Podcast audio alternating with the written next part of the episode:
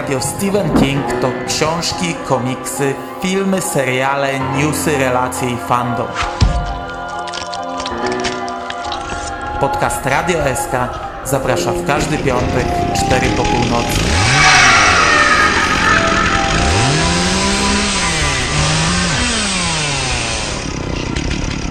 Wiadomości z martwej strefy.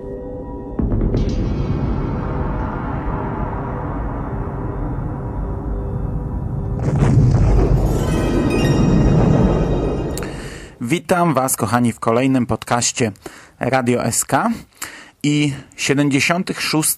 wiadomościach z martwej strefy, w których podsumujemy sierpień 2017 roku.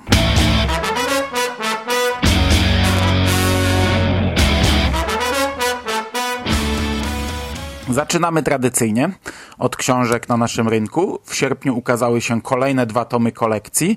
Był to tom siódmy i ósmy, czyli Łowca Snów, tom drugi oraz Buick 8.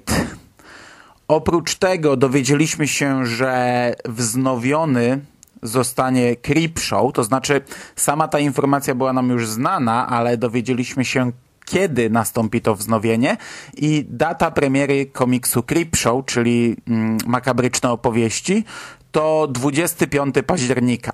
Znaczy zakładając, że ten sam tytuł zostanie w Albatrosie, bo ten komiks ukazał się w Polsce 9 lat temu i został wtedy wydany przez wydawnictwo Pruszyński i Spółka. Przypominam, że 24 października, czyli dzień wcześniej, na księgarskie półki trafi w Polsce nowa powieść Stephena Kinga, napisana wspólnie z synem Owenem, pod tytułem Śpiące Królewny. Powieść przetłumaczył Tomasz Wilusz. Książka ma 736 stron, a cena okładkowa to 49 zł 90 groszy. Pojawił się oficjalny polski opis tej książki pojawiła się polska okładka, e, która już e, zmieniła odrobinę szczegóły. E, pierwsza wersja, jaka została udostępniona w internecie, spotkała się z raczej dość miłym odzewem ze strony czytelników, ale mieli oni kilka uwag, głównie do czcionki, którą użyto w tytule i Pruszyński zmienił tę czcionkę. Oczywiście no, nie zmienił jej na taką, jaką sugerowali, sugerowała większość czytelników, zmienił na taką standardową, jaką do tej pory używał w książkach e, ze swojej serii, bo wcześniej to była jakaś dziwaczna e, pierwsza lepsza czcionka. No i tytuł e, jest w kolorze czerwonym, żeby wyróżniał się bardziej, bo niknął trochę w obok nazwiska Owena Kinga. Dodatkowo okładka została dość mocno rozjaśniona. Ja mam w domu wersję, na której widzę grzbiet tej okładki i powiem wam, że e, no jeszcze nie było takiego grzbietu. E, na samym początku, gdy ta kolekcja, gdy, gdy ta seria, nie kolekcja, Jezu, co ja gadam. Na samym początku, gdy ta seria startowała, to Pruszyński wchodził z grafikami na grzbiety. To widać dość mocno w Martwej Strefie, w Nocnej Zmianie, w Kerry, no i w zasadzie w tych trzech tylko w tych trzech.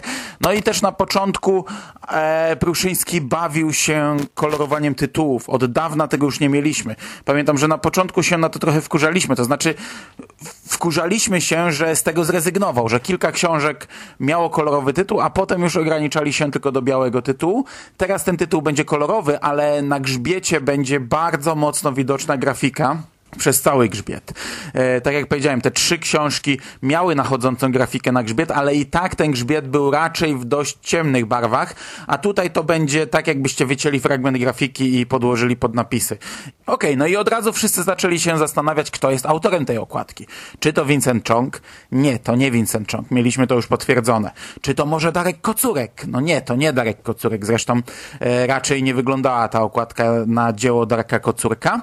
Okazało się, że autorem e, tej grafiki jest Ryszard e, Wojtyński. To jest pan urodzony w 1958, grafik, yy, zajmuje się malarstwem, animacją, filmem, fotografią, plakatem, poezją, pisarstwem, tłumaczeniem piosenek. To za Wikipedią. Oprócz tego poznaliśmy datę premiery książki Pudełko z guzikami Gwendy, Książka trafi do sprzedaży 22 listopada, miesiąc po premierze powieści Śpiące Królewny. Dodatkowo wiemy, że mm, książkę przetłumaczyła Danuta Górska. Wiemy, że polskie wydanie będzie miało 174 strony, e, będzie miało oprawę twardą z obwolutą, będzie ilustrowane.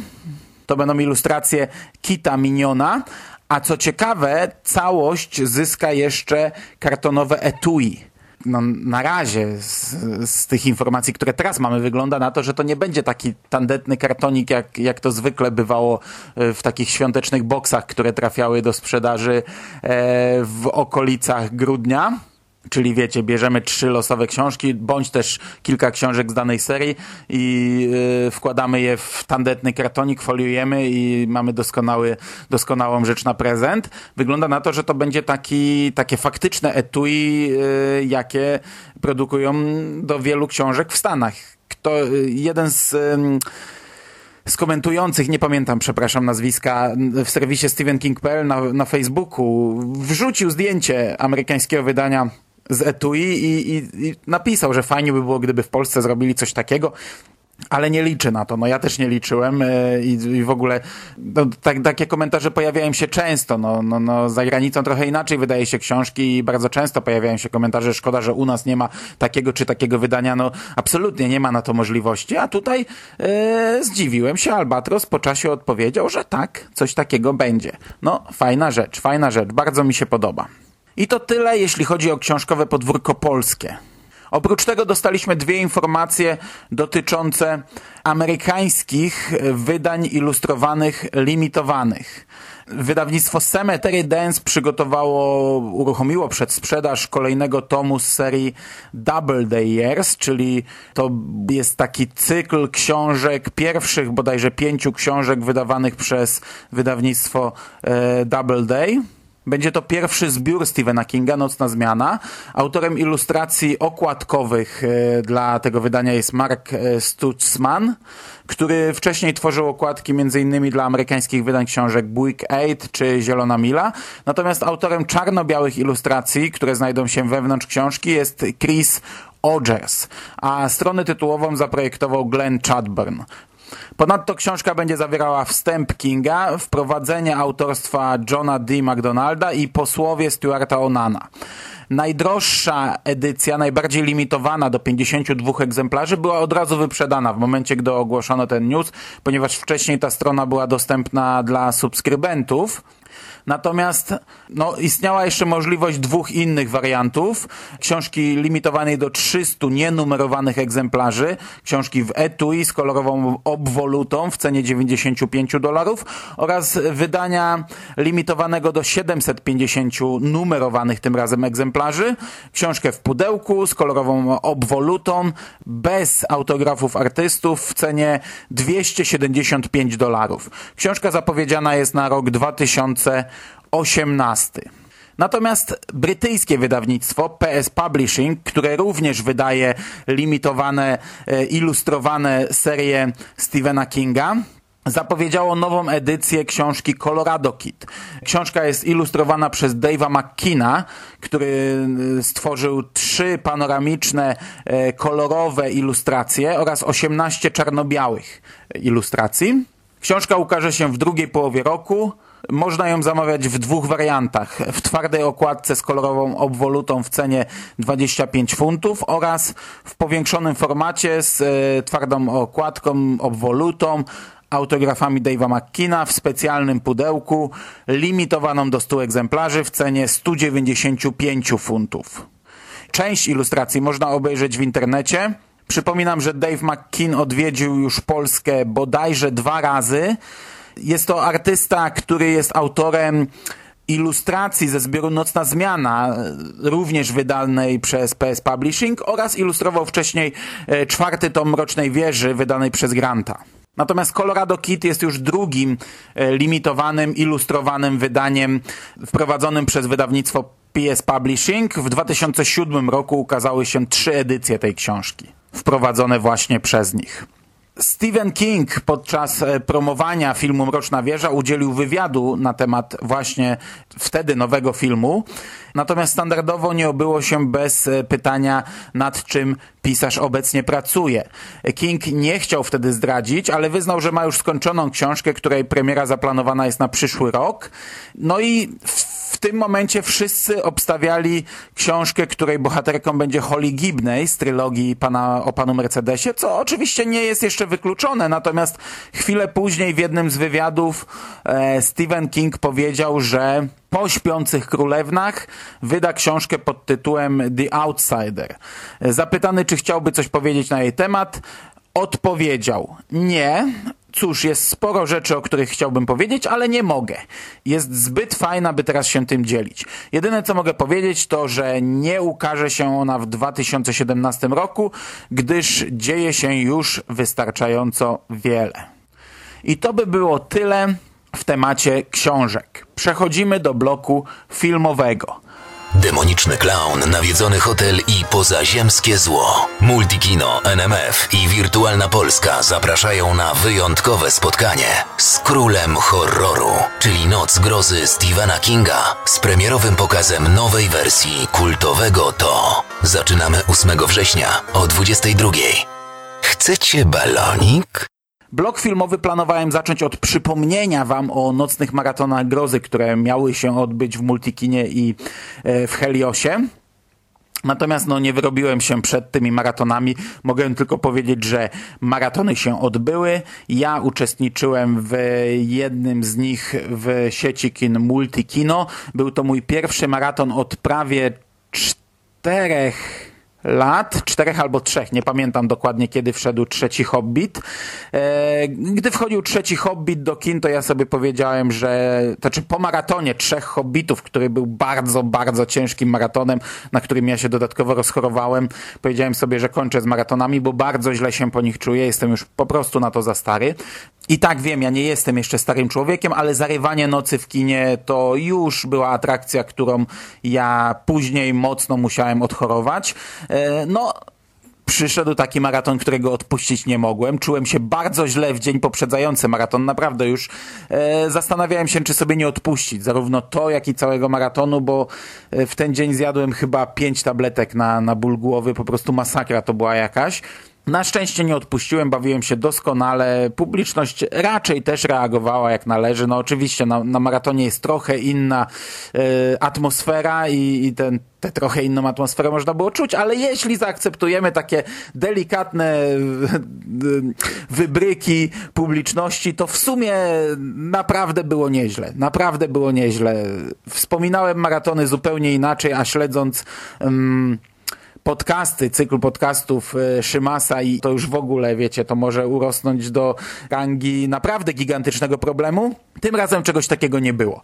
Bawiłem się doskonale, cieszę się, że wziąłem w tym udział. Obejrzałem sobie na wielkim ekranie pierwszy raz lśnienie, Pierwszy raz łowcę snów, no i doskonałe to, doskonałe to. Jeśli jeszcze nie zrobiłem tutaj w Radiu SK recenzji to, to pojawi się ona pewnie niebawem.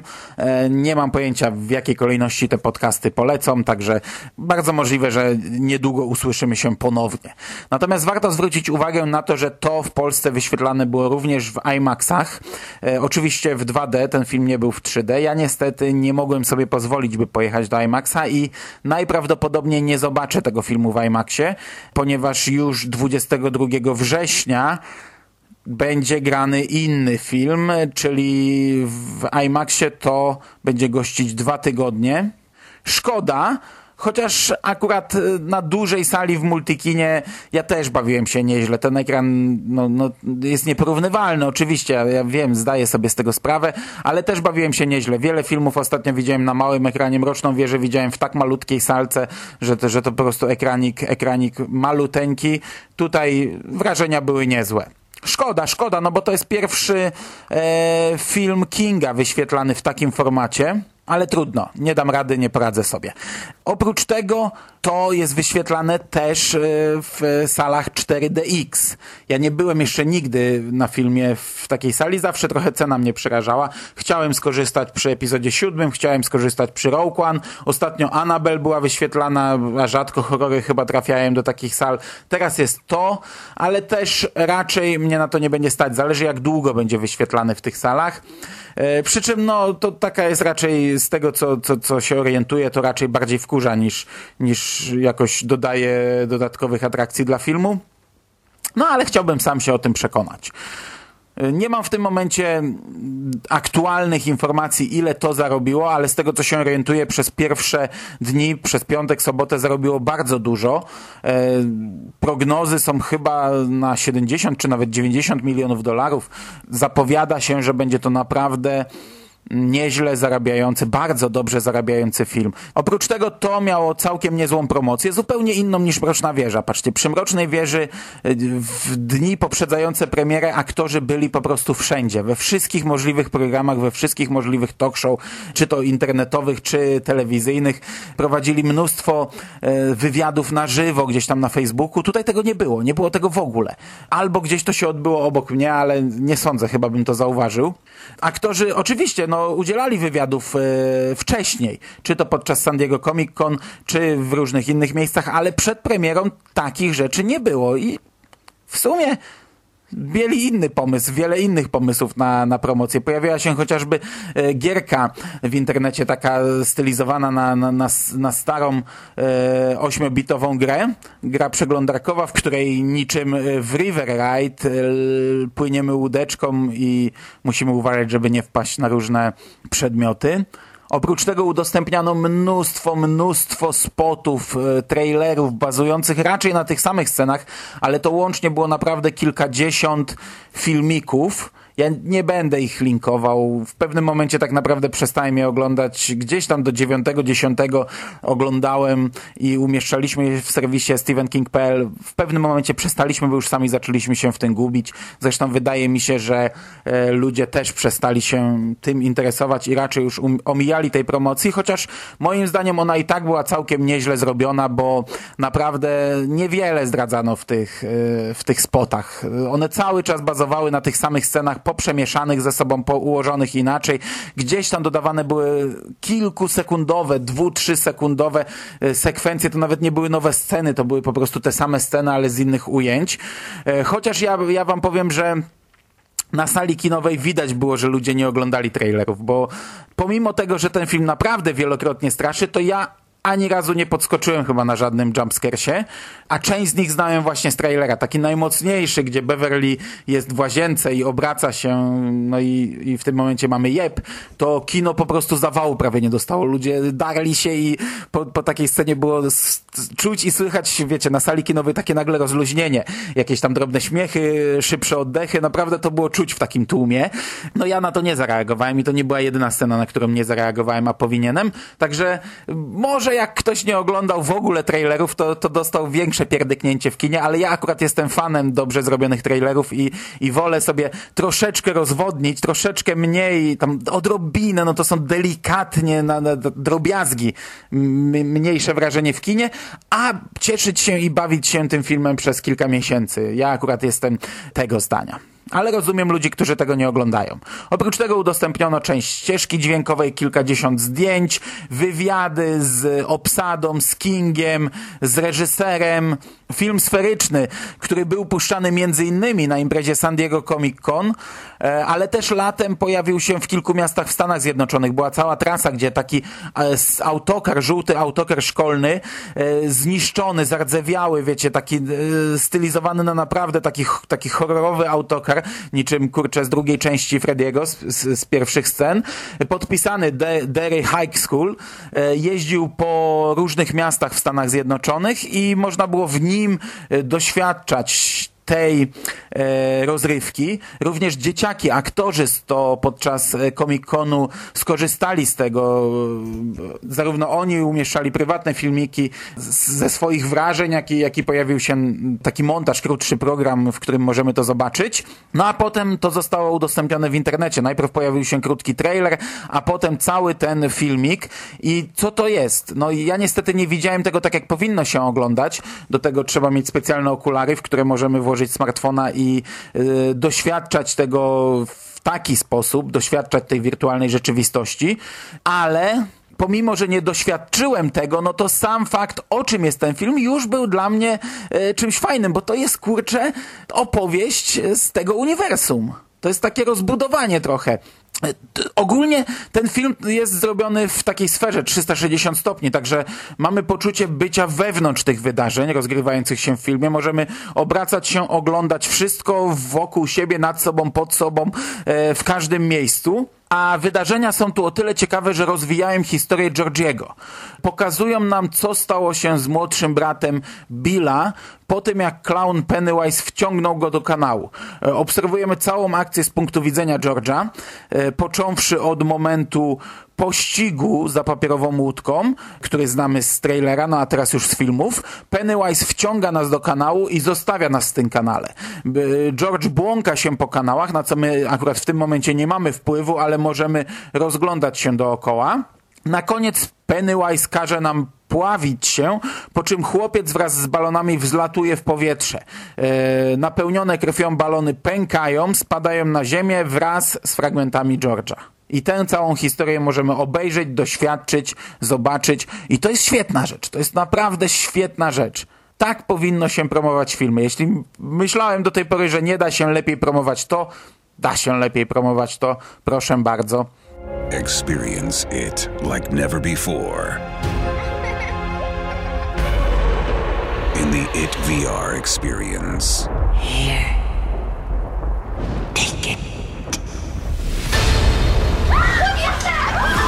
This isn't real. This isn't real. This isn't real enough for you, Billy. We all float down here.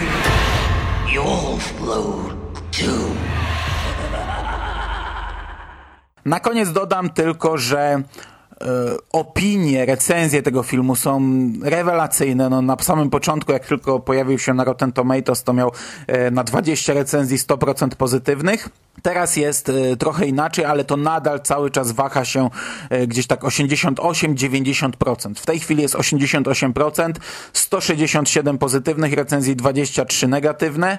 Natomiast jeśli chodzi o widownię, to mamy 90%. Ja osobiście w zasadzie unikam pisanych recenzji. Uważam, że jest to ten typ filmu, gdzie one się mijają z celem.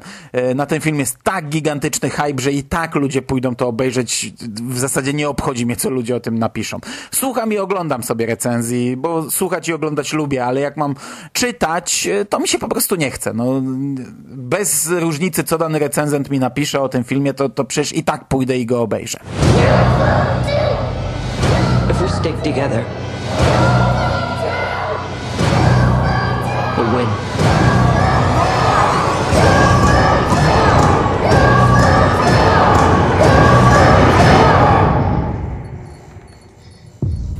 Co ciekawe, skoro już jesteśmy przy to, to yy, 19 września we wtorek w ramach festiwalu Splat Film Fest odbędzie się projekcja filmu To, znaczy miniserialu To z 1990 roku na dużym ekranie. Oni to puszczą w ramach e, takiej sekcji kultowe klasyki, gdzie pojawi się mnóstwo starszych, fajnych filmów. Ja bardzo chciałbym obejrzeć Straconych Chłopców, bo jestem przeokrutnym fanem. No i też bardzo chciałbym obejrzeć To.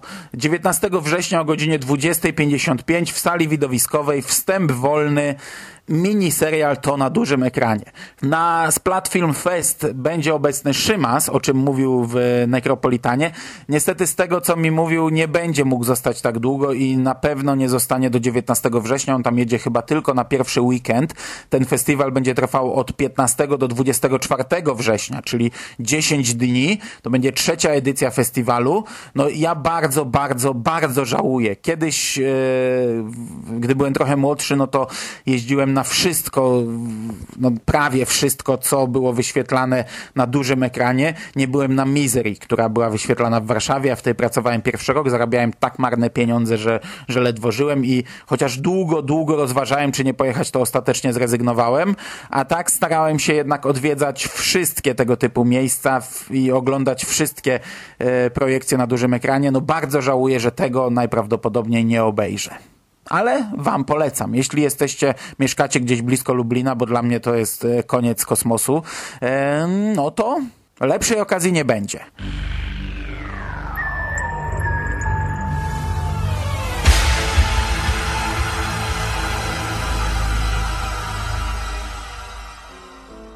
I to samo jeśli wybieracie się do Łodzi na Międzynarodowy Festiwal Komiksu lub do Gdyni na 42. Festiwal Polskich Filmów Fabularnych.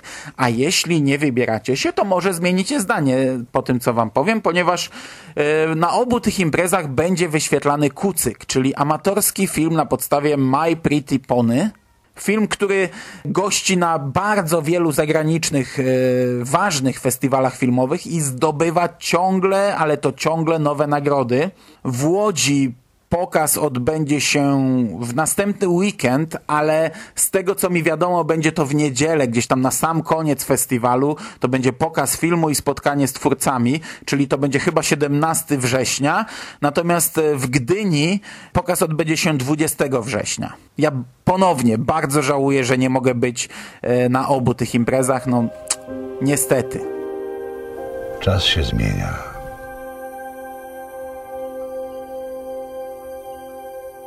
Kiedy cierpisz, wlecze się w nieskończoność. Kiedy jesteś szczęśliwy, przyspiesza. Mija jak w dobrym śnie. Zapamiętaj jednak, że to nie ty masz czas, a czas ma ciebie.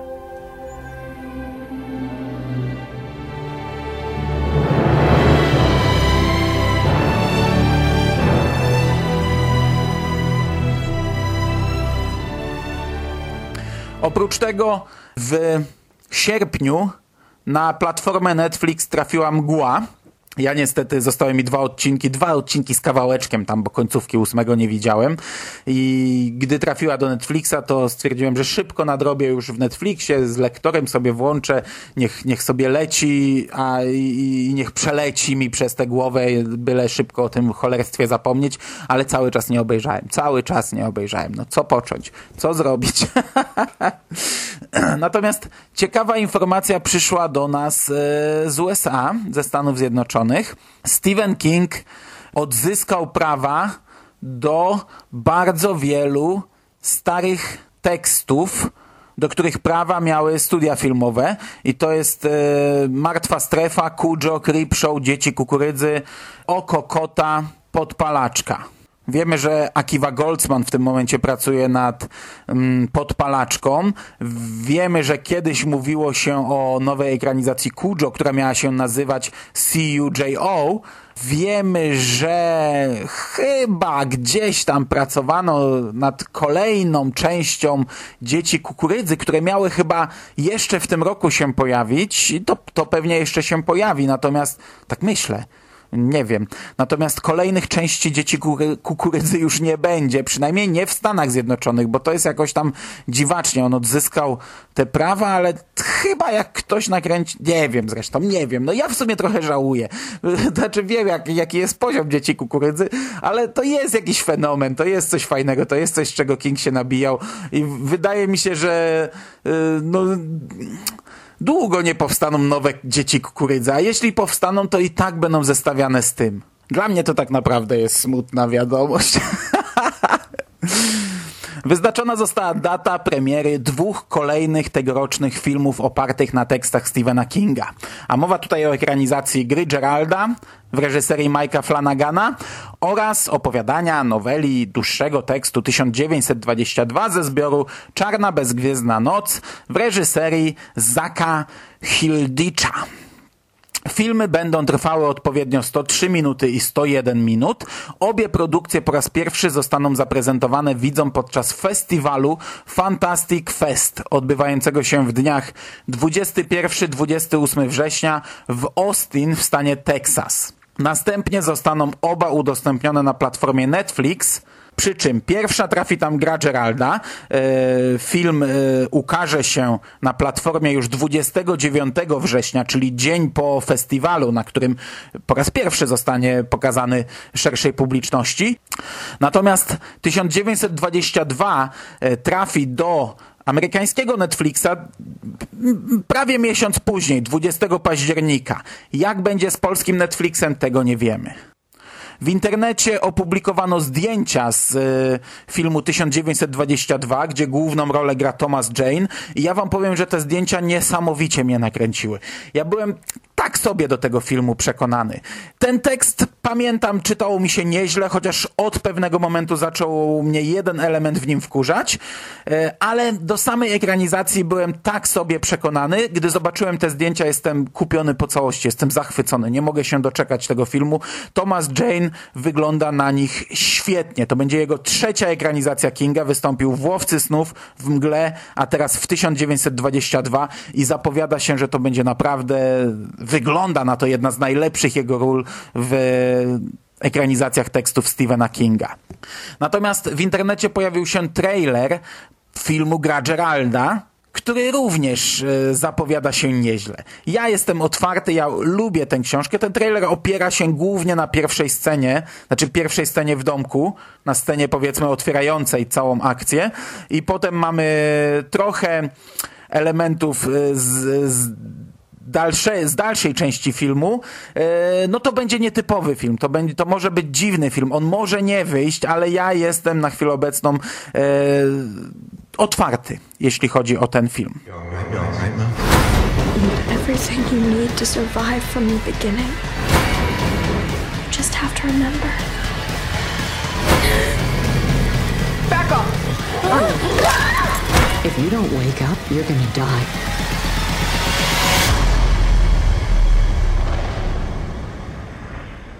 Natomiast dostaliśmy kilka newsów dotyczących e, serialu Castle Rock. Po pierwsze, mówiłem już o tym przed miesiącem, e, do obsady dołączył Scott Glenn, naprawdę bardzo dobry aktor grający do tej pory w bardzo dobrych e, filmach, a tutaj wcieli się w rolę Alana Pangborna, szeryfa Castle Rock, który w serialu będzie już emerytowanym policjantem, co jest dla mnie świetną rzeczą i naprawdę e, nieźle nakręca mnie na ten, na ten serial. Ja bardzo lubię historię Castle Rock, bardzo lubię e, historię kolejnych zmieniających się szeryfów. Jeśli tutaj dostajemy e, kontynuację opowieści Alana Pangborna, to kurczę, na chwilę obecną jestem naprawdę naprawdę mm, tym zaintrygowany. Dodatkowo dowiedzieliśmy się, że do ekipy dołączy Terry O'Quinn. To jest aktor, który kiedyś grał w takiej serii Ojczym. E, dwu, on grał w dwóch pierwszych częściach. E, on wystąpił w e, filmie na podstawie Stephena Kinga, Srebrna Kula, ekranizacji książki Rok Wilkołaka. A dzisiejszej publiczności chyba najbardziej znany jest z roli Johna Locka w serialu Lost. Zresztą tutaj ponownie panowie J.J. Abrams i właśnie Terry O'Quinn e, będą współpracować razem, e, ponieważ ostatnio taka współpraca miała miejsce właśnie w serialu Zagubieni. E, Terry O'Quinn zagra Dale'a Lacey, filar społeczności miasteczka. Na chwilę obecną wiemy o tym, o nim tylko tyle. Oprócz tego taka ciekawostka, wystartował anglojęzyczny podcast The Castle Rock TV Podcast. To są panowie, którzy wcześniej prowadzili podcast o serialu Dallas 63, 22 listopada 63. Teraz będą prowadzić podcast o serialu Castle Rock, w którym oczywiście, no już teraz mamy tam chyba cztery odcinki, więc mówią też o innych rzeczach, mówią o bieżących ekranizacjach, tutaj są odcinki o to, e, ale głównym tematem tego podcastu będzie serial Castle Rock, będą się skupiać na nowościach, będą omawiać dane odcinki, będą przeprowadzać wywiady z aktorami, twórcami i tak dalej. Bardzo fajne logo wzorowane na Martwej Strefie. E, bardzo fajna reklama filmowa, którą e, widziałem na jednym z kanałów YouTube'owych i, i stamtąd zresztą dowiedziałem się o tym podcaście. To taka ciekawostka.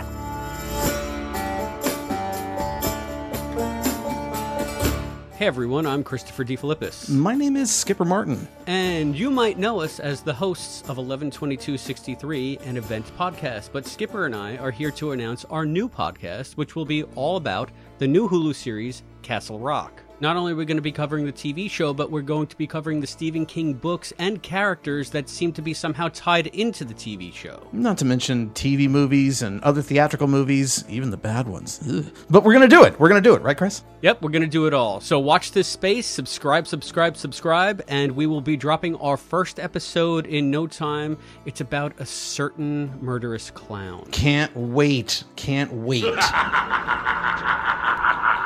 Follow the Castle Rock TV podcast on Facebook, Twitter, and Instagram at CRTV Pod. Visit our website at crtvpodcast.com and support us on Patreon at patreon.com slash crtvpod. The Castle Rock TV podcast is a Fractured Entertainment to Flipside Media production.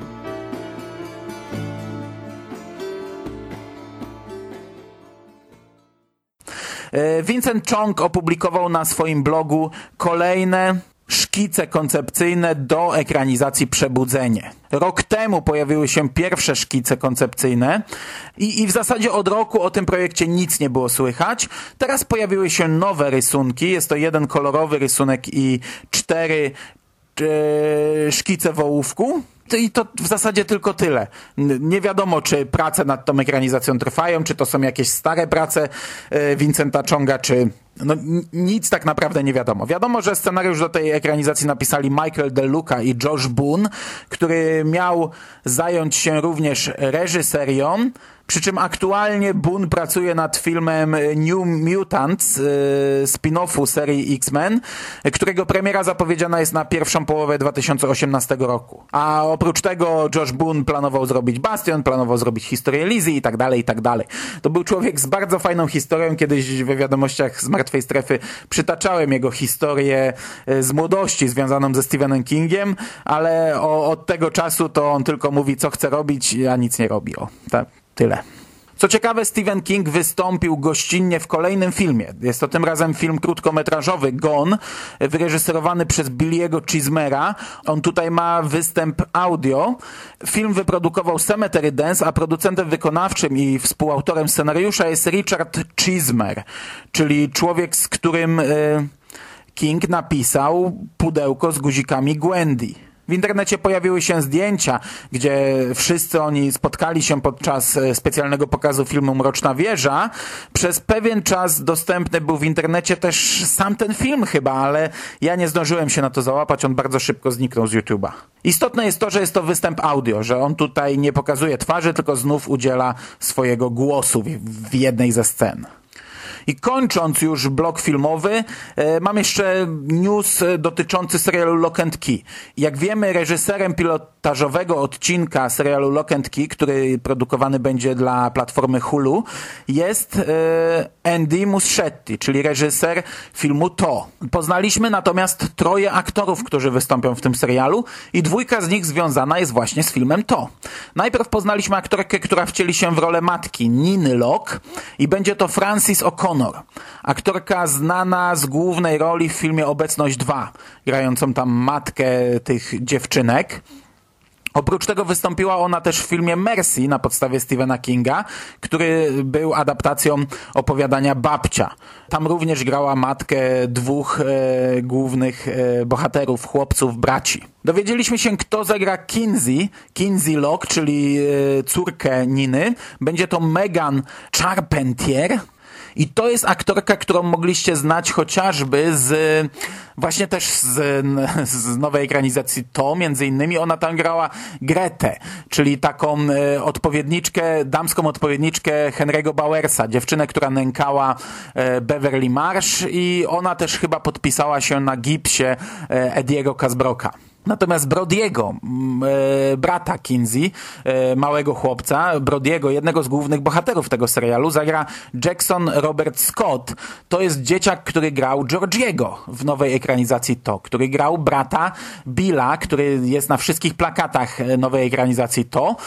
Ja przyznam, że trochę się obawiam, bo ten dzieciak oczywiście fajnie zagrał Georgiego, ale ja się obawiam, jak on wypadnie w jednej z głównych ról, a pamiętajmy, że jeśli będzie to wierna ekranizacja Lokentki, to on tutaj będzie miał dość ciężką rolę.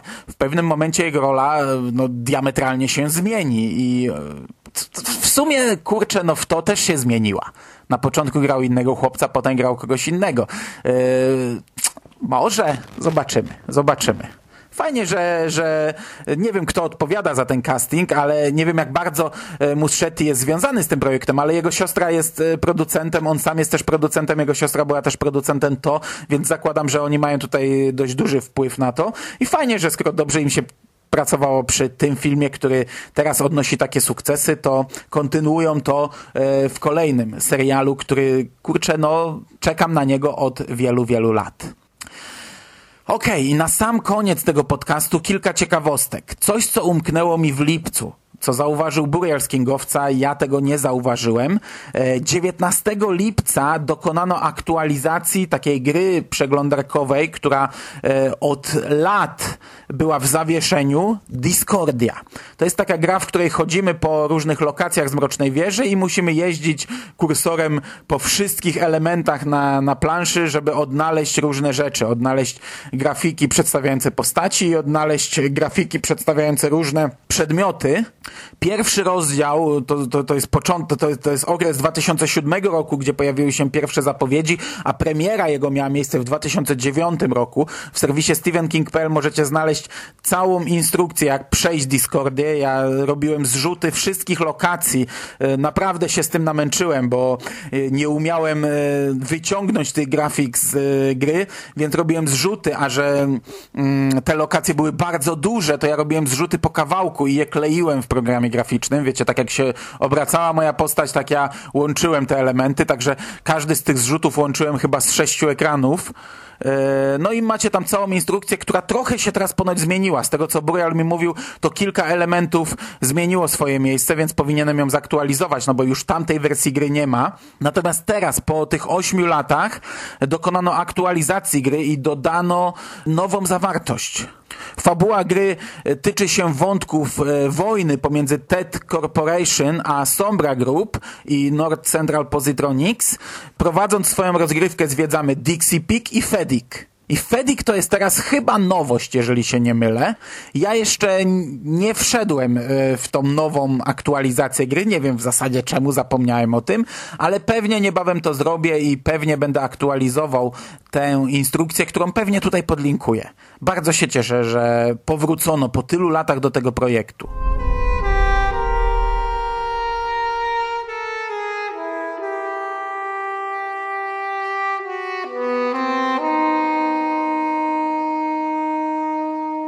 Co ciekawe, pojawiły się bardzo szybko aukcje rekwizytów z Mrocznej Wieży. Sprzedano w zasadzie wszystko.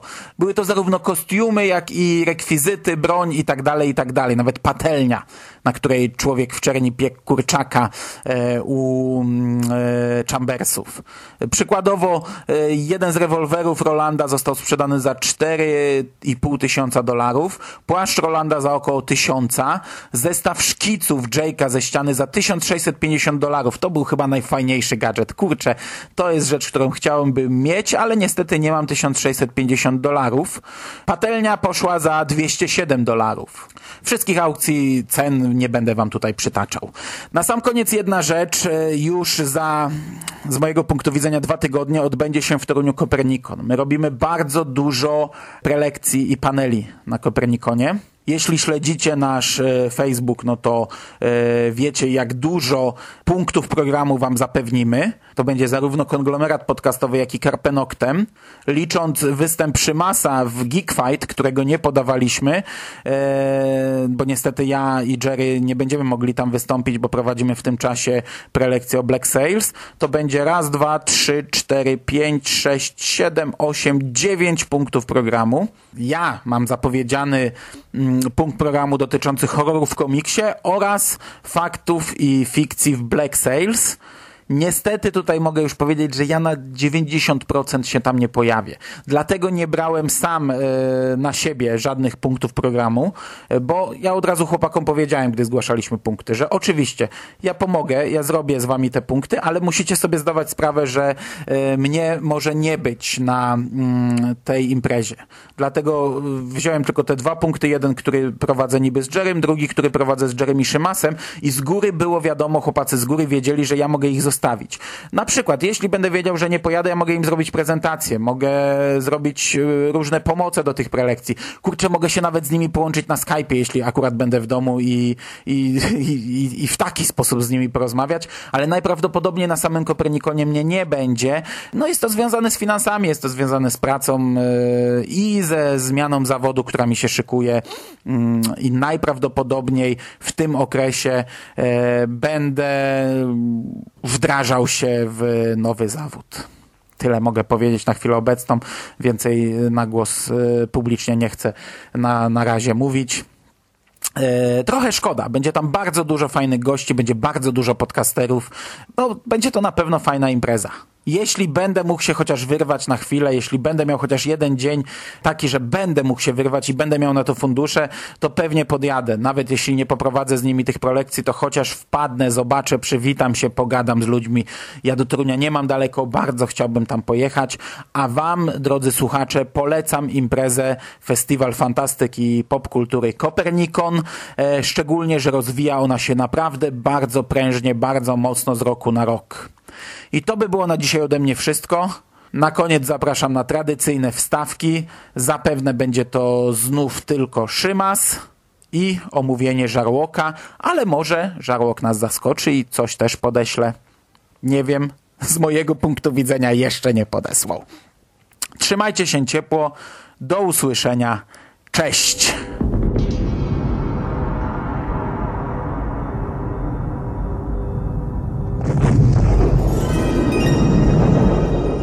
Witam Was, kochani, bardzo serdecznie. Po tej stronie mikrofonu Szymas. Cześć. Jeżeli chodzi o newsy z ubiegłego miesiąca, to w oczy rzuciło mi się kilka rzeczy. Przede wszystkim fakt, iż pojawiły się opis i okładka do śpiących królewien. Tak to się odmienia? nie wiem, nieważne teraz. W każdym razie śpiące królewny jeszcze miesiąc temu nie szczególnie mnie interesowały. Jakoś tak bardziej się napalałem na pudełko z guzikami Gwendy. A teraz zobaczyłem ten opis i początek mnie bardzo zaintrygował. Zapowiada się ciekawie, zrozumiałem skąd ten tytuł w ogóle, ale zarazem z każdym kolejnym zdaniem e, ten mój entuzjazm nagły stygł, e, bo troszkę mi się ta zajawka skojarzyła z tym, jak Strażaka zaprezentowali nam koledzy Jerry Mando Burial e, w podcaście i z tym, co tam też krytykowali. No nie wiem, no może to tylko moje skojarzenia, ale pomimo wszystko teraz czekam. Zacząłem czekać na Śpiące Królewny, już nie tylko na pudełko. Może okaże się, że to jednak będzie całkiem ciekawy tekst i zobaczyłem też tę okładkę polską Ryszarda Wojtyńskiego, i e, nie wiem, co myśleć jeszcze. Znaczy, jest ładna, tylko jest tam naćkane strasznie dużo elementów. I tak sobie myślę, teraz o tym pomyślałem w sumie, gdy już odpaliłem dyktafon, że być może to wszystko ma sens, że to wszystko jakoś się odnosi do treści książki. Pierwsze skojarzenie było oczywiście z okładką Bazaru Złych Snów. Tam też było naćkana tona rzeczy i to wszystko po prostu prezentowało te złe sny, koszmary, tak rzeczy kojarzone jakoś tam z, z czymś, co wzbudza strach. Tutaj mamy trochę inną symbolikę. Mamy tę ćmę e, z tymi ala oczkami. Ja teraz nie mam tego przed nosem wprawdzie, ale tak z pamięci mówię, nie? E, macie tam takie węże pod spodem, na górze też coś takiego poskręcanego jak jakieś pijawki czy inne robale. Obok e, te piersi, to jak gdyby ciało wtopione w drzewo. W ogóle to całe drzewo tutaj też na drugim planie, czy też w tle dużo tutaj tego wszystkiego na tej okładce. Jestem ciekaw, czy to po prostu jakaś taka wizja artystyczna pana Wojtyńskiego, czy może to wszystko jakoś znajduje punkt odniesienia w samej powieści. Zobaczymy już za jakiś czas. Trzeba będzie przeczytać. A co do innych newsów, mamy to to. Dzisiaj w sumie jest premiera i dosłownie w momencie, gdy to nagrywam, pewnie Mando i Jerry wychodzą z kina, albo są jeszcze w kinie, w sumie nie wiem, na którą poszli dokładnie, ale jakoś teraz powinni być w kinie jeszcze, jeżeli się nie mylę. E, ja nie dotarłem jeszcze dzisiaj, ale nadrobię to w ciągu najbliższych, no właśnie nie wiem kiedy, ale tak do pięciu dni myślę. I co mogę powiedzieć? Super, że pierwsze opinie są tak pozytywne, biorąc pod uwagę fakt, jaką falą krytyki spotkała się Mroczna Wieża, która mnie się bardzo podobała, jak już wiecie, to myślę, że o to mogę być spokojny. Co do kampanii promocyjnej, film VR-owy. Super, w końcu kurczę, to powinien być standard w dzisiejszych czasach. Tak samo ta gierka. Gierka jest prosta i można powiedzieć, że to banał, ale miło, że pomyślano o czymś takim. Coś, co nie kosztuje pewnie wielu pieniędzy w skali budżetu na marketing, a jakoś tam uprzyjemnia czekanie, sprawia, że jest głośniej o filmie. Właśnie co do gierki Mando, jaki był twój wynik, co? Bo ja mam 15 200. No i prawdziwi fani poniżej 15 tysięcy podobno nie schodzą. Tak, więc mamy gierkę, ale mnie film w sumie bardziej interesuje. Wprawdzie nie mam gogli, ale sprawdziłem sobie, jak to wszystko działa zarówno na telefonie, jak i w ramach YouTube 360 i wypada całkiem nieźle. Powiem wam, że naprawdę dziwię się, że to nie jest standardem w dzisiejszych czasach, zwłaszcza w kinie gatunkowym, bo jeszcze może do jakichś dramatów to to się nie do końca sprawdzi, czy do komedii w sumie chyba też nie, ale do wszelkiego rodzaju, nie wiem, sci-fi, westernów, horrorów, e, fantasy, to to jest coś naprawdę genialnego, by pozwolić ludziom wejść na chwilę w ten świat i może ta rozdzielczość jeszcze jest niska i to trochę wali w oczy, zwłaszcza gdy się ogląda materiały tam w tej najwyższej jakości, już nie mówię o 4K, ale wiecie, a potem się przechodzi na taką jakość, ale, ale to nadal jest coś ciekawego, przyjemnego. Ten filmik tutaj sprawia naprawdę dobre wrażenie i to powinno być standardem. Kurczę, no naprawdę powinno być, zwłaszcza, że kurczę, skoro Gonciarz może robić filmy w 360, skoro ja mogę kupić sobie taką kamerę, stać mnie na nią i robić takie filmy, to naprawdę nie rozumiem, czemu filmowcy jeszcze w to nie idą. Nie mówię, że całe filmy, nie? No ale takie właśnie elementy kampanii promocyjnej, świetna sprawa. I cóż, do to jeszcze tylko słówko będzie w IMAXa. Właściwie będzie, już jest, bo chyba właśnie koledzy są teraz w IMAXie i w 4DX. Może na 4DX bym nie poszedł, bo boję się, że jeżeli same te wrażenia z 4DX będą e, nie najlepsze, to też film przez to ocenia troszkę gorzej, ale ten IMAX kurczę brzmi kusząco i pewnie już zaraz wrócą mnie z kina i mi powiedzą, że o, było super, wyglądało wow, tak w ogóle horror w IMAXie, o, genialnie, no i będę musiał, no nie będzie wyjścia. Ale dosyć o to, o nim jeszcze posłuchacie pewnie z godziny, jak nie dłużej, w ciągu najbliższych dwóch tygodni. Co do innych rzeczy, no to pewnie zaraz po powrocie z kina 100 zacznę wyczekiwać kolejnych premier, zwłaszcza gry Geralda. I tutaj przyznam się, że ja książki nie czytałem. Zacząłem ją kiedyś czytać, bo to była jedna z pierwszych książek Kinga, które kupiłem sobie tak samodzielnie. E, mówiłem tutaj w kilku podcastach już, że kiedyś miałem tam, nie wiem, 100, 150, 200 zł zaoszczędzone i postanowiłem kupić sobie książki Kinga. Chyba bliżej 100 niż 200, no ale nieistotne i miałem kupić sobie jakąś tam powieść taką normalną, w normalnym formacie, czy może nawet z twardą oprawą, ale zobaczyłem, że są e, te wydania kieszonkowe tam po, nie wiem, 10, 15, 20 zł i w końcu wyszedłem z reklamówką książek. Tak, to już na etapie liceum, to nie jest tak, że mi odbiło na studiach, że jakiś wypadek czy coś, nie, to, to się działo głęboko we mnie i kupiłem między innymi grę Geralda wtedy i pojechałem ze znajomymi do Zakopanego. Kojarzycie być może Bedwulfa i Hyla z nawiedzonego podcastu. No to Hyla ja wtedy po raz pierwszy poznałem w czasie tego wyjazdu, z Bedwulfem znamy się dłużej. Pojechaliśmy do Zakopca i w pociągu czytaliśmy grę Geralda na głos. E, właściwie na głosy, nie spodziewałem na rolę, ale po kolei każdy czytał jakiś fragment. I przez to, że zrobiliśmy sobie z tego taką zabawę, to potem jakoś nie czułem klimatu tej książki i tak wiecie, przez tę bekę z tyłu głowy, przez te wspomnienia e, nie wracałem do niej przez dłuższy, dłuższy czas, aż w końcu tak do tej pory nie wróciłem. I tego filmu jakoś super nie wyczekiwałem, przy czym e, cieszyłem się, że powstanie i że będzie za niego odpowiadał Mike Flanagan, tylko że nie wiedziałem czego oczekiwać, nie? bo ten punkt wyjścia jest raczej taki no banalny, prosty i nie miałem pojęcia, jak można zapełnić w ogóle cały film, ale pomyślałem sobie, no Mike Flanagan plus Stephen King, no to się powinno udać. A teraz zobaczyłem trailer i kurczę, jak to super wygląda. Naprawdę jestem pod wielkim wrażeniem, bo to jest trailer właśnie z tym prostym punktem wyjścia, banalnym wręcz, a tak trzyma w napięciu, wywołuje takie emocje. Jestem tak podjarany w tym momencie, że ła, to będzie niezła Kingowa jesień. Naprawdę warto czekać. O innych newsach już opowiedział wam Mando, albo zaraz opowie, więc ja już kończę. Do usłyszenia pod koniec w podsumowaniu Jet TV. Trzymajcie się, hej! Żarłok TV to głos twojego żołądka w twoim internecie. Porżnięte recenzje słodyczy, pączków, restauracji, barów, knajp oraz wszystkiego, co można przetrawić. Z jeszcze bardziej porżniętym prowadzącym żarłokiem, którego przetrawić nie da rady.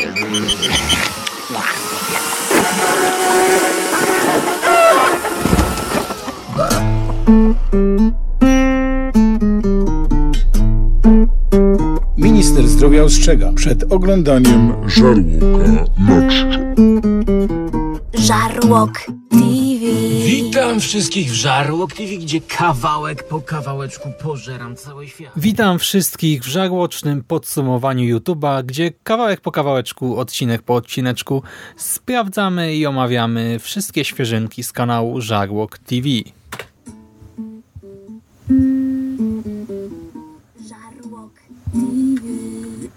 Tak, mamy 17 sierpnia 2017 roku, a na kanale najtańsza herbata świata babcia testuje Bastek. Cóż, tytuł mówi wszystko. Mamy recenzję beznadziejnej herbaty, z której torebka kosztuje tam poniżej 2 groszy, więc wiemy czego można się spodziewać. Pojawia się babcia, a dodatkowo nie wiem czy nie pierwszy raz y, dziadek ma swoje podwójne wręcz cameo, chociaż drugie to drugie cameo to jest takie, no nie wiem, po napisach, na napisach końcowych, no jest śmiesznie jak na herbatę czegoś takiego, czy recenzję czegoś takiego propsuję. Zobaczymy co będzie za tydzień. Na razie, hej. Witam, mamy 25 sierpnia 2017 roku, a na kanale Burger Grzybowy z McDonald's Uczta Smaków Test Jedzenia.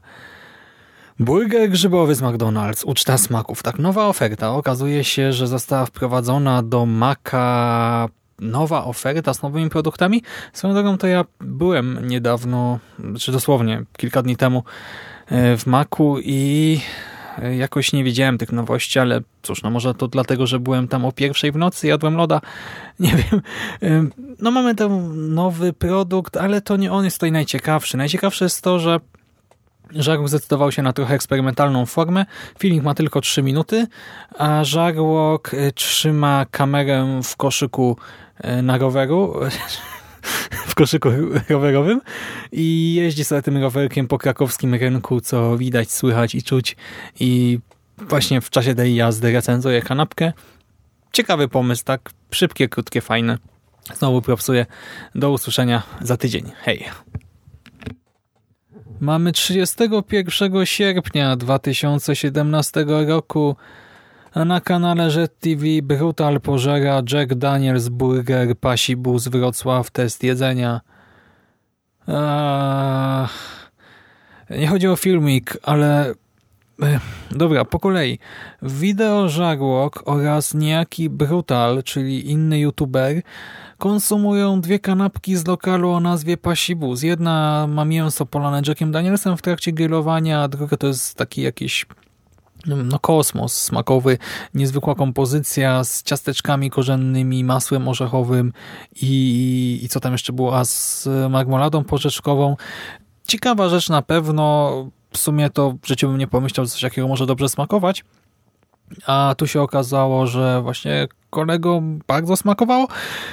Ale to nie jest istotne. Czy znaczy, filmik jest spoko, tak e, można obczaić. E, chętnie też bym teraz spróbował takiego burgera, ale to, co jest ważne, to to, że nie znałem Brutala. Pierwszy raz się o nim dzisiaj dowiedziałem, więc kliknąłem w linka w opisie i trafiłem na jego kanał. W sumie nadal nie wiem, kim jest Brutal, bo na tym kanale jest wszystko. Są wideo komentarze, daily vlogi, gierki, dramy, inne jakieś tam pierdółki. Taki kanał o wszystkim i o niczym. No w każdym razie tak klikałem, klikałem i jedyny plus jest taki, że trafiłem, znaczy jeszcze nie wiem czy plus, ale trafiłem na drugi kanał Mietczyńskiego, czyli nie mam pojęcia co robię, nawet nie wiedziałem, że coś takiego istnieje, a istnieje od ponad dwóch lat, ale to obczaję później. Teraz tak klikałem, klikałem i zobaczyłem, że aktualnie na YouTubie publikuje się wideo komentarze do wideo komentarzy do wideo z YouTube'a. Brawo wy! Do tego no, przez przypadek dowiedziałem się o dramie z Kissing Challenge z Nanami Chan i Sexmasterką i zobaczyłem też serię e, Roka w wideokomentarzu do jego wideokomentarzu Rok obraża youtuberów. I jeszcze w ramach tej serii i wideokomentarza do wideokomentarza do wideo zobaczyłem fragmenty filmu Sexmasterki, w którym mówi o sobie, że jest idealna, perfekcyjna, doskonała i dlatego chyba nie ma znajomych, bo ludzie nie potrafią tego zaakceptować. I, i tak mój mózg nie jest w stanie tego przetrawić, że tak się tą żywieniową metaforą posłużę. Ech, ja pierdzielę. YouTubie, dokąd zmierzasz? Boże. Cześć. Siemanko, mamy 7 września 2017 roku, a na kanale Żarłok TV kulki serowe Brutala, Pasibus Wrocław, test jedzenia. Króciutki odcinek, który powstał pewnie razem z tym poprzednim. Brutal i Żarłok testują kulki serowe z tego samego lokalu, w którym ostatnio kupili burgery. Od króciutki teścik i tyle. I tym razem w nic nie klikam, żeby nie wdepnąć w taki bagnak poprzednio kurczę, na samo wspomnienie aż po prostu energia za mnie ulatuje i żyć się odechciewa. No nic, kończę, kończę. Trzymajcie się. Do następnego razu. Hej!